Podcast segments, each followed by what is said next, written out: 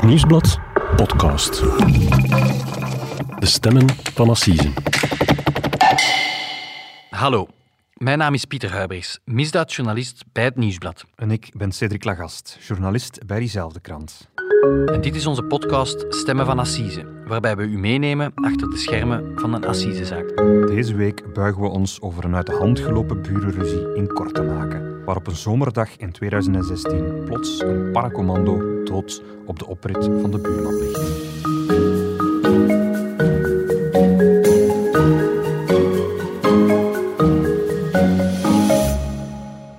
Toen straat staan toen.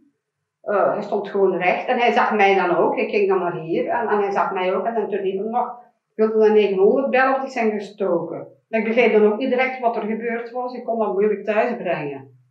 Zijn ze een accident of zoiets? Ik kon het toch niet vatten dat dat eigenlijk Mhm. gestoken was door iemand. Ik dacht meer een, een accident. En dat zijn zijn laatste woorden van belt de 900. Ja, ja. Dan heeft hij me gezegd in de gestoken. Maar... Pieter, jij bent deze week in Kortenaken geweest. Wie hoorden we hier? Wel, we, we horen Marina Hermans, dat is de weduwe van Luc Dams. En Luc Dams is dus de, de paracommando die ehm, dood op de oprit eh, ligt. Ehm, De man die gestorven is. Ja, ja, ja, en dus die woonde in Kortenaken. Kortenaken eh, ligt in Vlaams-Brabant, eh, hartje Hageland en eigenlijk te midden van de fruitstreek eigenlijk. Een rustige streek. Een ongelooflijk rustige streek waar, waar eigenlijk amper iets gebeurt tot die zomerdag 30 juli 2016, als Marina eigenlijk eh, haar man dood op de oprit van de buren eh, terugvindt. Dus Luc Dams, ehm, die ligt daar dood op de oprit. En wat is er gebeurd? Wel, die blijkt slachtoffer te zijn van een, van een burenruzie. Een, een, een burenruzie die al een jaar of zes bezig was. Een, een burenruzie tussen hem dus, hè, Luc Dams, 56 jaar op dat ogenblik, ehm, gepensioneerde paracommando. En zijn buurman, Roger Putsijs, een man van 70. eh, nogal een trotse, iets wat autoritaire man. En die twee die zijn al een jaar of zes ehm, ja, op elkaar aan het voeteren. Eh, ja, een typische Vlaamse burenruzie, maar die, ja, die eigenlijk totaal uit de hand gelopen is. En hoe is dat conflict tussen die mannen zes jaar eerder eigenlijk begonnen? Want die wonen elk in een, in een huis. Woonden die daar al lang voordat ze ruzie kregen? Of? Luc Dams woonde daar al, al, al meer dan twintig jaar. Roger Putsijs is daar komen wonen, eh, heeft een huis verbouwd. Woonde eerst in Loksbergen, ehm, om de hoek, u wel bekend van uh, seriemoordenaar Ronald Jansen, woonde daar vroeger. Ehm, en dus eh, Roger Putsijs is daar komen wonen. En de kiem van dat conflict ligt eigenlijk zes jaar eerder, in 2010, op het moment dat er een storm eh, uitbreekt en er een eikenboom omvalt. En die eikenboom, daar is gigantisch veel discussie over op welke kant van het perceel lag die, stond die eigenlijk? Eh, Was dat eigendom van eh, meneer Putsijs? Was dat eigendom van meneer Dams? En we luisteren hier even naar een fragment van Marina, die eigenlijk vertelt hoe die eh, burenruzie destijds ontstaan is. Een jarenlange eh burenruzie die hij zei, maar eigenlijk was er maar een zinnetje ruzie geweest, jaren, zeker zes jaar tevoren, en, en voor de feiten dan. Eh, in 2010 is er dan een ruzie geweest van een boom die hier links onderaan omgevallen was en er met een man toen, die een dag of twee, drie daarna begon om te zagen is, omdat die boom op een heining gevallen was van de heining. omheining? Nee, van, van, de, van die manege iets verder, van paarden. En dan iets later kwam hij met een vrouw terug en dan zijn vrouw begon te roepen dat dat haar boom was. Pieter, waarom vond Roger Putsijs dat eigenlijk zo vreselijk? Ging dat effectief om het hout? Was hij bang dat, er, dat hij bestolen werd? Of was het meer een principiële kwestie? Ik denk dat het meer een principiële kwestie was. Hij heeft een dag later de politie bijgehaald. Die hebben dan besloten dat er een landmeter moest komen. Die landmeter is er dan bijgehaald. En die heeft gezegd, mannetjes, eh, we gaan hier in deze rustige fruitstreek geen burenruzies. Hè. Geef elkaar een hand. We gaan dat hier, dat percelenmeter kunnen opschuiven. Maar dat is niet gelukt. De, de ruzie is niet gedoofd. Ja, dat is, dat is, dat, dat is eventjes gelukt. Maar, maar Marina vertelt dat ook dat er eigenlijk altijd wel een soort spanning was. Ik moet denken, je kent die scène misschien uit In de Gloria, de befaamde burenruzie, waar ze met Mhm. kabouters gooien Ja. en waar ze met een tuinslang op elkaar spuiten Ja. en met, met bloempotten naar elkaar gooien. Zo is het niet gebeurd in de praktijk. Maar ze vertelt bijvoorbeeld wel dat Roger al eens ja, een, een- gat in de omheining maakte in de haag om hem te kunnen begluren. Eh, Roger op zijn beurt zegt dan bijvoorbeeld van ja, en als ik volk over de vloer had, ja, dan, eh, dan op zondag dan, dan ging de kettingzaag bij de buren aan, zodat wij niet rustig in onze tuin konden zitten. Oké, een burenruzie, Pieter, zoals er wel meer zijn in Vlaanderen. Maar er is natuurlijk nog altijd een grote stap tussen een burenruzie en een man die plots dood op zijn oprit ligt. Ja, ja, ja, dat is het grote vraagstuk natuurlijk. Het is, het is op een of andere manier uh, totaal geëscaleerd. Ook al vertelt Marina mij van de weken voordien is er eigenlijk geen concrete discussie of ruzie niet meer geweest. Er is niet geroepen uh, van Haag tot Haag. Er is op de oprit niks meer gebeurd. En wat is er die bewuste dag eigenlijk precies gebeurd? Wel, um, hij kwam dus thuis, want hij was gaan werken bij een vriend in de tuin. Tuinonderhoud, hè. hij kluste al eens bij. En dan had hij een vast tramien. Om, als hij thuis kwam, het eerste wat hij deed was zijn hond uitlaten. Die hond zat te blaffen aan de poort. Hij vertrok. En hij heeft nog gevraagd aan Marina van... Uh, ga je mee uh, wandelen? Marina deed dat vaak. Maar Marina zei, nee, ik ga niet mee, want onze kinderen komen straks terug van scoutskamp. Ik blijf thuis, ga jij maar wandelen. En... en... ik vermoed, hij stapt zijn huis buiten met zijn hond en hij zal daar de buurman zijn tegengekomen. Ja, op dat ogenblik is Roger Putsijs samen met zijn vrouw Simon um, opent de poort, de elektrische poort, en vertrekt met zijn Mercedes naar vrienden. Ze gingen naar een... ze gingen koken en ze zaten in een kookclub en ze gingen eigenlijk eten met de leden van de kookclub. En zij vertrekken net op het moment dat um, Luc met zijn hond voorbij wandelt. En, ja, dan en hij is dan uitgestapt? Nee, hij is niet uitgestapt, maar er gebeurt wel iets. We weten niet exact wat. Roger Putzijs zal later verklaren... Ja, de Luc is daar vunzige gebaren op straat beginnen doen. De, ja, de, de, de burgerlijke partij betwist dat. Maar ja, nog geen 100 meter verder is Roger teruggedraaid. En, en daar zal ook het proces, een stuk van het proces over gaan. Waarom is hem teruggedraaid? Waarom is hij teruggedraaid? En hij geeft daar de uitleg aan en zijn vrouw bevestigt dat van ja, um, ik was mijn gsm vergeten. Uh, ik, ik moest terug naar binnen, we gingen naar die co-club, maar ik was mijn gsm vergeten en ik ben teruggereden. Hij rijdt terug met zijn auto de oprit op. Ja, nu, daar is discussie over. Hè. Speurders geloven niet dat hij zijn gsm vergeten is. Swat, hij rijdt in ieder geval terug en dan loopt het uit de hand. Uh, dan zijn ze op elkaar beginnen roepen. Marina vertelt mij, ik hoorde in de verte uh, ja, roepen, tieren. Het was me niet helemaal duidelijk wat. Ik ben naar straat gelopen. En, en het volgende beeld dat ik zag was mijn man die, die zegt, bel de hulpdienst, want ik ben neergestoken. Dan moet er toch een mes in het spel geweest zijn. Ja, en dat is ook zo vreemd in dit verhaal. Het mes, dus het, het moordwapen, zat voordien in de kofferbak van Roger en, en waarom Simon. had hij een mes in? Ik heb geen mes in mijn koffer. Wel, hij had twee messen in zijn, uh, in zijn auto. Hij had een soort aardappelmesje om zijn appel te schillen. Uh, dat gebeurt wel vaker, zo'n soort Zwitser zakmes. Um, maar hij had dus ook een groot Ikea-mes. Uh, een keukenmes in de kofferbak liggen. Waarom, zegt hij? Zij gingen dus naar hun kookclub en zij hadden uh, zalm gemarineerd in een soort vispapillot. En ze hadden een mes mee om die zalm in stukken te snijden. En dat is de reden dat dat mes in de kofferbak lag. En dus de hypothese van de speurders is dat, dat, dat Roger ja, in colère is geschoten, de koffer heeft opengedaan en dat mes gepakt heeft. En... Maar die hele ruzie, zoals dat jij die nu beschrijft, Pieter, dat weten wij eigenlijk alleen maar uit de monden van de dader. Mhm. Alleen Roger en zijn vrouw Simon kunnen dat nog vertellen. Want Luc Dams die is dood. Ja, en, en Marina komt eigenlijk net te laat. Hè. De steekpartij is al gebeurd. Ehm, maar er is nog een belangrijke kroongetuige. En dat is de andere buurvrouw aan de andere kant van het huis. En zij komt eigenlijk net van de kapper toe om 16.50 uur. En is eigenlijk een... Ontdekt daar het drama. Ja, ja, ja, Marina roept daar erbij. En, en zij is een gepensioneerde verpleegster. Uh, en de twee hebben toevallig de maanden voordien een EHBO-cursus gevolgd. En, en het is die verpleegster die toekomt en zegt van bel de hulpdiensten. En zij starten examen nog uh, met de reanimatie uh, van Luc Dams. Uh, we luisteren even naar een fragment. Van de buurvrouw. Ja. Ik parkeer mij hier. Ik stap uit en ineens staat Marina hier naast mij. Die was hier naar beneden gelopen? Ja, die was hier naar beneden gelopen. Kom, kom rap, want ze hebben Luc neergestoken. Ja, ik laat alles in mijn auto liggen. Ik ga mee naar boven. Ja. Dus Maar hij lag niet op straat, nee, hij lag hier achter de poort. hier zo, hier zo. En daar stond Roger en Simon. Apathisch. Apathisch te kijken. De mensen hier licht te sterven zonder hulp te bieden. Ik vind, dat doet je wel niet, hè. En dan de prioriteit van uw zalm in uw auto. Pieter, wat is dan met die zalm? Dus daar ligt een, een man te sterven en, en dan gaat het plots over een zalm. Ja, die, uh, die buurvrouw is daar uh, zeer misnoegd over en dat is ook heel opvallend. Uh, ja, ze waren op weg dus naar hun kook, club, zoals gezegd. En ze hadden dus salm in papillot uh, geserveerd. En terwijl Luc Dams daar levenloos op de grond lag van ja, maar nu met onze zalm en onze zalm gaat slecht worden. En lag de prioriteit um, van het koppel eerder bij een kookclub dan, dan eigenlijk hulp bieden aan het slachtoffer. Ja. En is Luc Dams dan nog naar het ziekenhuis gebracht? Is hij nog kunnen gereanimeerd worden? Uh, ze hebben hem vergeefs proberen te reanimeren. De buurvrouw vertelt mij van ja, als, als verpleester voel je zoiets aan natuurlijk. Ik, we hebben dat natuurlijk gedaan. Marina heeft mond-op-mond bademing gestart. Uh, ik heb een hartmassage, maar ja, er was eigenlijk uh, niet veel meer aan te doen. Oh, dus hij gaat niks gerief? Ah nee.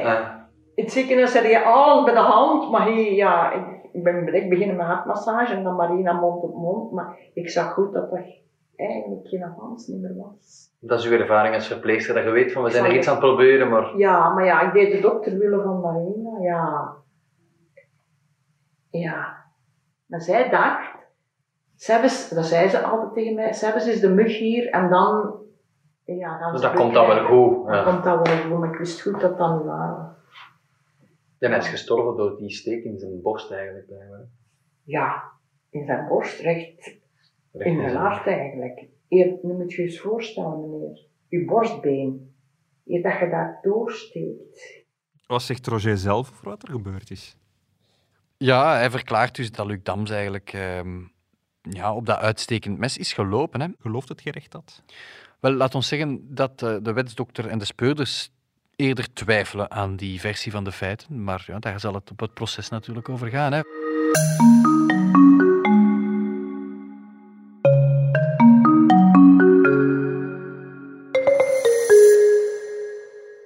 Pieter, wat me vooral opvalt bij de, bij de hele conflict hier, is dat er eigenlijk een ruzie is tussen twee verschillende typen mensen.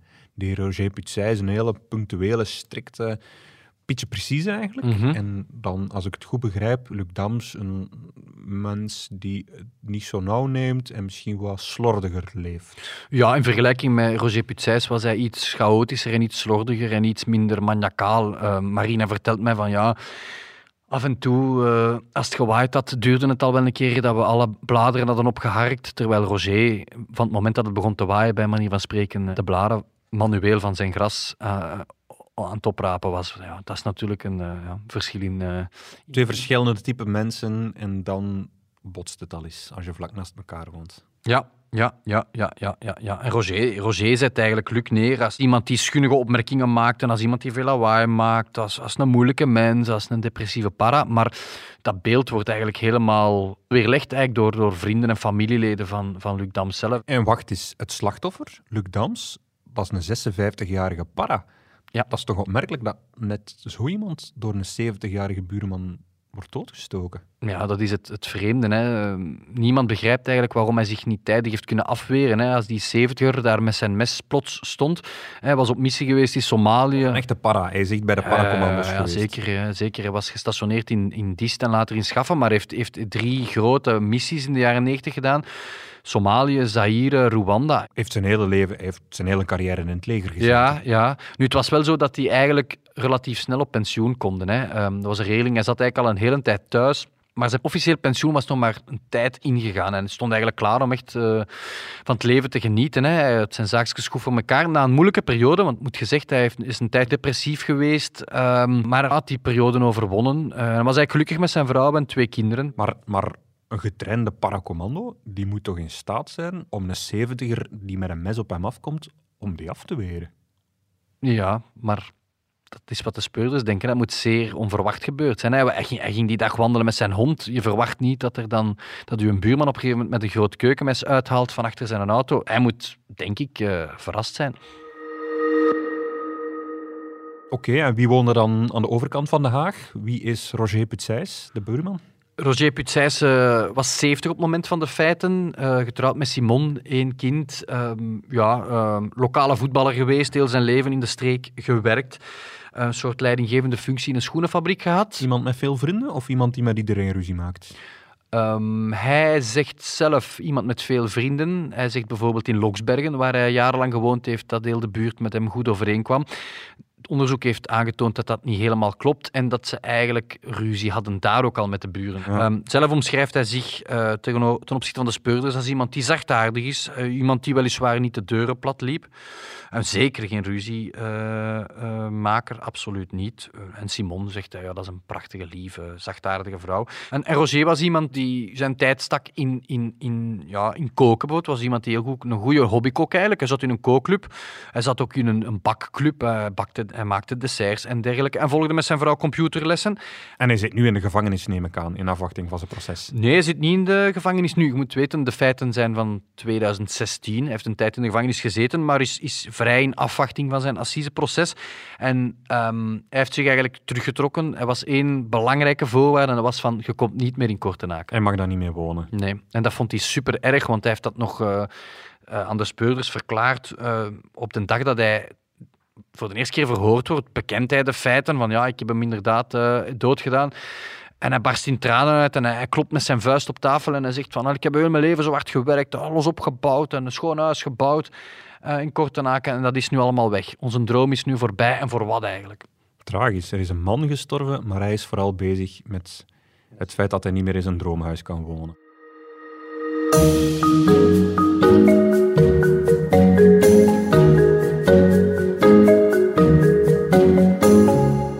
Pieter, volgende week start het assiseproces van Roger Putsijs. Jij gaat dat volgen voor ons. Ehm, Mhm. We kunnen dat allemaal volgen in de krant ook vanaf volgende week. Ik vermoed dat Roger Putsijs niet alleen daar in de rechtbank zal zijn. Hij neemt vast een advocaat mee. Absoluut, ja, ja. En hij wordt verdedigd door meester Jan Svennen. U wel bekend? Herinner me nog eens wie Jan Sven is. Wel, dat is een Limburgse strafpleiter, gaat al, gaat al jaren mee. Dat was onder meer de advocaat die Didi Swiers verdedigde. Weet je nog? Dat Ja. was de blonde jonge vrouw die is neergeschoten eigenlijk eh, voor haar ouderlijk huis door haar toenmalige vriend of ex-vriend. En die heeft zich dan eh, verschanst nadien. Eh, was levensgevaarlijk gewond, maar heeft dat overleefd. Verder is eh, Jan Svenne vooral iemand die veel eh, drugszaken doet, veel witwas en dergelijke. Eh, maar in Limburg wel een gekend strafpleiter. En welke advocaten gaan we daar nog zien? Wel, ehm, de burgerlijke partijen, dus Marina en haar, haar, haar, kinderen, die worden vertegenwoordigd door Tim Op de Beek. Oké. Tim Op de Beek, ehm, ja, die in Leuven al, ja, ook al decennia meedraait, eh, bekende strafpleiter daar, ehm, doet heel veel zaken in Leuven. En was onder meer de advocaat van de familie Paulus ehm, in de zaak van Ronald Jansen. Dus een van de slachtoffers van Ronald Jansen was eh, Shana en Kevin. Eh Shana Appeltans, Kevin Paulus. En hij vertegenwoordigde de, de familie. Dat is eigenlijk zijn bekendste zaak, denk ik, eh, die hij samen deed met Geert Jaspaard. Weet je nog, de advocaat met zijn lange witte baard? Ja. Illustere figuur. En wie is de aanklager in deze zaak? Dat is Ben Pieters. Ben Pieters is de aanklager en ja, dat is iemand eh, van het parket die wel regelmatig op passieve zaken eh, pleit. Eh, heeft er al wel een aantal op zijn konto. Voor mij denk ik de bekendste is de zaak Zaina Kemoes. Ken je die nog? Ja. Dat is die zaak van die eremoord. Eigenlijk een gruwelijk verhaal. Dat is een, een- een jonge vrouw die ontvoerd wordt, eh, vermoord wordt en eigenlijk gedumpt wordt in een bos. Echt een gruwelijk verhaal eigenlijk. Is zijn belangrijkste zaak, of zijn bekendste zaak niet eh, de, de chirurgen, de neurochirurgen? Ja, juist. Was ik even vergeten. De neurochirurgen ehm Mernas Ditgar, die, dat was vorig jaar. En die eh, eigenlijk... eh, die had haar dochtertje om het leven gebracht, maar die heeft eigenlijk een milde straf gekregen. Die heeft vijf jaar met uitstel gekregen en die is eigenlijk nadien, na, meteen na dat proces, eh, vrijgelaten. Ja. Eh, die moest naar een psychiatrisch ziekenhuis. ehm, maar dat was eigenlijk wel eh, redelijk wat commotie. En daar heeft Ben Pieters eigenlijk wel redelijk wat commentaar over Hij gekregen. stond toen recht tegenover Jeff Remassa, denk ik. Ja, ja, ja. Chef Vermassen heeft hem toen eh, pijn gedaan, denk ik. Eh, maar hij mag dus opnieuw aan de bak volgende week maandag.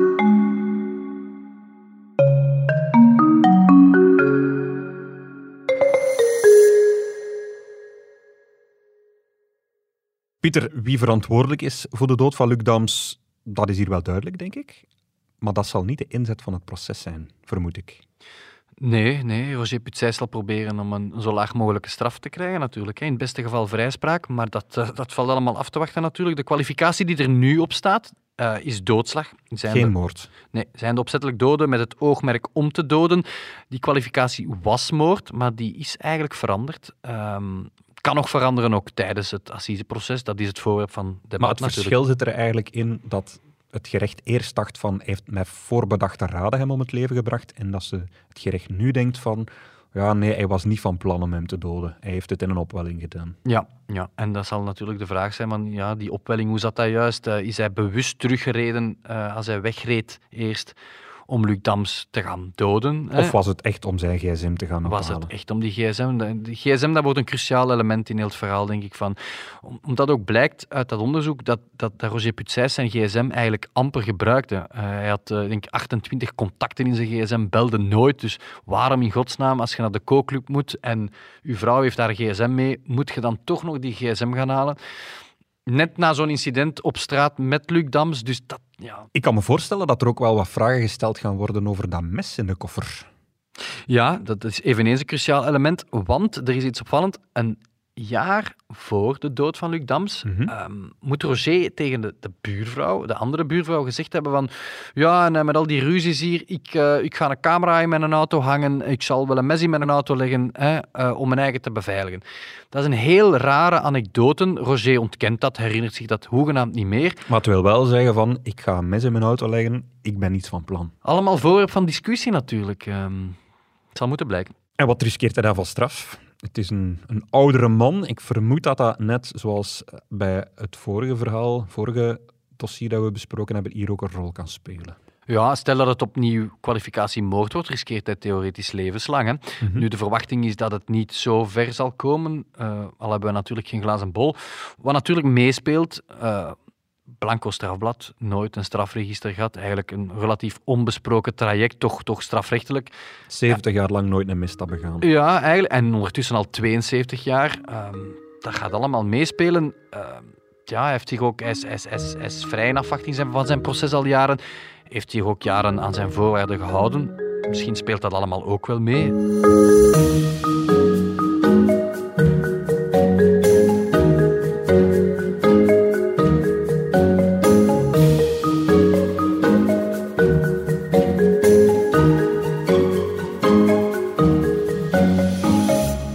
Volgende week dus een assiseproces over een burenruzie met uh, zeer dramatische gevolgen, met fatale gevolgen. Um, en jij, Pieter, jij bent gaan spreken met Jan Nolf ook. Jan Nolf, dat is een, een vrederechter op rust. Jan Nolf is jarenlang vrederechter geweest in West-Vlaanderen en is heel vaak geconfronteerd geweest met burenruzies. En uh, jij hebt hem gaan vragen hoe uitzonderlijk dat het is dat in Vlaanderen een, een ruzie tussen twee buren zo'n proporties aanneemt. Burenruzies die dodelijk zijn, dat is helemaal niet uitzonderlijk. Een paar jaren geleden berekende ik het totaal aantal burenruzies dat voor de vrederechter komt in België op 40.000 per jaar. Ieder jaar loopt een burenruzie dodelijk af, zelfs meerdere keren. Het wapen is willekeurig hoor, Zelden een vuurwapen, vaak het eerste wat in de handen terechtkomt: een mes, een hamer, een riek of zelfs de auto. Wat bij ons opvalt, is de hogere leeftijd van minstens één van de betrokkenen. Soms het slachtoffer, en dat is misschien een beetje logisch, dat is dan de zwakkere partij, maar ook vaak de dader als krasse zeventiger. Meestal is dat een jarenlange, tientallen jaren aanslepende ruzie. Het Vlaamse record overigens staat op 48 jaar. Die lange, bittere historiek van een burenruzie bewijst vooral dat veel kansen onderweg verkeken werden om de verstandhouding weer in goede banen te brengen. Er is geen enkele reden waarom dat niet zou kunnen. Mijn eerste tip is dan om te blijven praten, mensen goeiedag zeggen. In mijn boek De kracht van rechtvaardigheid gaf ik een tip om te blijven glimlachen. De meest gehoorde klacht op mijn vredegerecht was destijds: Ze hebben me nog nooit goeiedag gezegd, meneer de vrederechter. Als verzoening dan niet lukt, is er nog de wijkagent of gemeentelijke burenbemiddeling. Dat bestaat bijvoorbeeld in Gent. En een volgende fase is de vrederechter. Kies daar niet voor een procedure met een advocaat, maar vraag een minderlijke schikking aan. Dat kost niets en daarbij helpt de vrederechter gewoon mensen met elkaar terug in gesprek te gaan.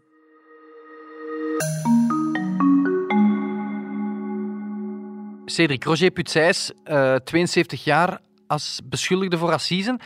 dat doet mij denken aan, aan, aan de vorige assisezaak waar wij een podcast over gemaakt hebben. Met name Clara Maas, die was nog een stuk ouder.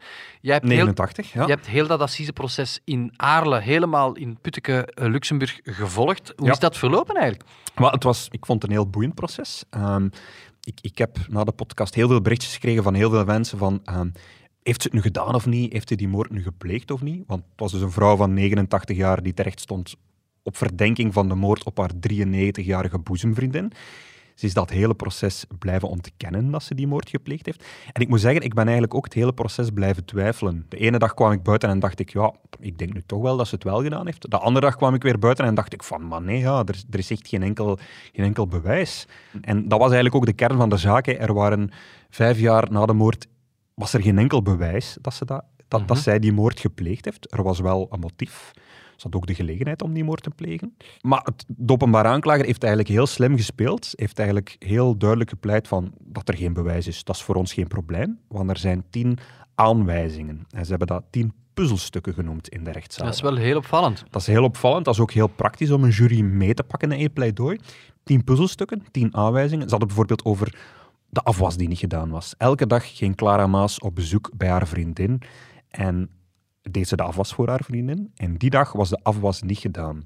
Bewijst dat, dat er die dag een moord is gepleegd? Nee, natuurlijk niet. Maar door tien van die dingen allemaal bij elkaar te trekken, hebben ze eigenlijk een heel, heel Coherent verhaal gebruikt. coherent verhaal kunnen brengen van kijk, die dame heeft die moord wel gepleegd. En de jury is, is, daar, is hen daarin gevolgd. De jury is het parket gevolgd en heeft uiteindelijk Clara Maas schuldig bevonden op de moord op haar eh, boezemvriendin. Dus zonder, zonder bekentenis, zonder echt tastbaar bewijs, maar eigenlijk die tien puzzelstukjes bijeengelegd en eigenlijk door deductie uitgekomen, want zij is de enige die dat kan gedaan hebben. Ja, en dat is assise. Hè. Je, je hoeft geen bewijzen te hebben. Als je een jury kan overtuigen dat iemand die moord heeft gedaan, dan kan je iemand veroordeeld krijgen. En, en, en- en ben jij van gedacht veranderd na zo'n week op de eerste rij die zaak gevolgd te hebben? En wel, ik, ik ga eerlijk zijn, ik weet het niet. Ik weet op dit moment eh, nog altijd niet zeker of zij die moord gepleegd heeft. En dat stoort mij een beetje, want ehm, Dat begrijp ik. het, het, het parket heeft dat ook niet glashelder kunnen aantonen. Dus er is iemand veroordeeld voor moord zonder dat ik eigenlijk helemaal zeker weet dat er harde, harde, harde objectieve bewijzen er eigenlijk liggen dat ze dat gedaan heeft. En ja, dat, dat, dat steekt misschien toch wel een beetje. Dat begrijp ik wel, ja. En, en, maar intussen zit zij al in de cel, neem ik aan. Nee, nee, dat is het ook. Ze is veroordeeld, ze is schuldig bevonden. De jury heeft gezegd, met dit dossier dat jullie hier voor ons gelegd hebben, wij vinden dat hij een effectieve celstraf van tien jaar moet krijgen. Wij vinden dat Schuldig zij naar de cel. tien jaar naar de cel moet, moet, moet gaan. Eh, en eigenlijk in de wandelgangen hebben wij gehoord dat ze eigenlijk toch niet naar de gevangenis moet gaan. Want het is eigenlijk aan het parket zelf die dan uiteindelijk de eerste aanzet moet geven van die strafuitvoering, die de brief moet sturen naar, naar die persoon van eh, ga maar naar de gevangenis, die de gevangenis moet inlichten. En eigenlijk hebben we daar eigenlijk gehoord te krijgen van ja, die brief die gaat heel lang op onze bureau blijven Ze liggen. gaan die eigenlijk gewoon nooit versturen. Je zou kunnen de vraag stellen waarom dan een, een assiseproces. Ja, eigenlijk wel. En daarmee komen we aan het einde van deze aflevering. Pieter, we zijn er volgende week al terug met alweer een nieuw assiseproces. Het gaat dan over de moord op een garagist uit het Antwerpse. Zijn zoon is heel lang verdacht geweest van die moord, maar de dader werd uiteindelijk gevonden in Duitsland.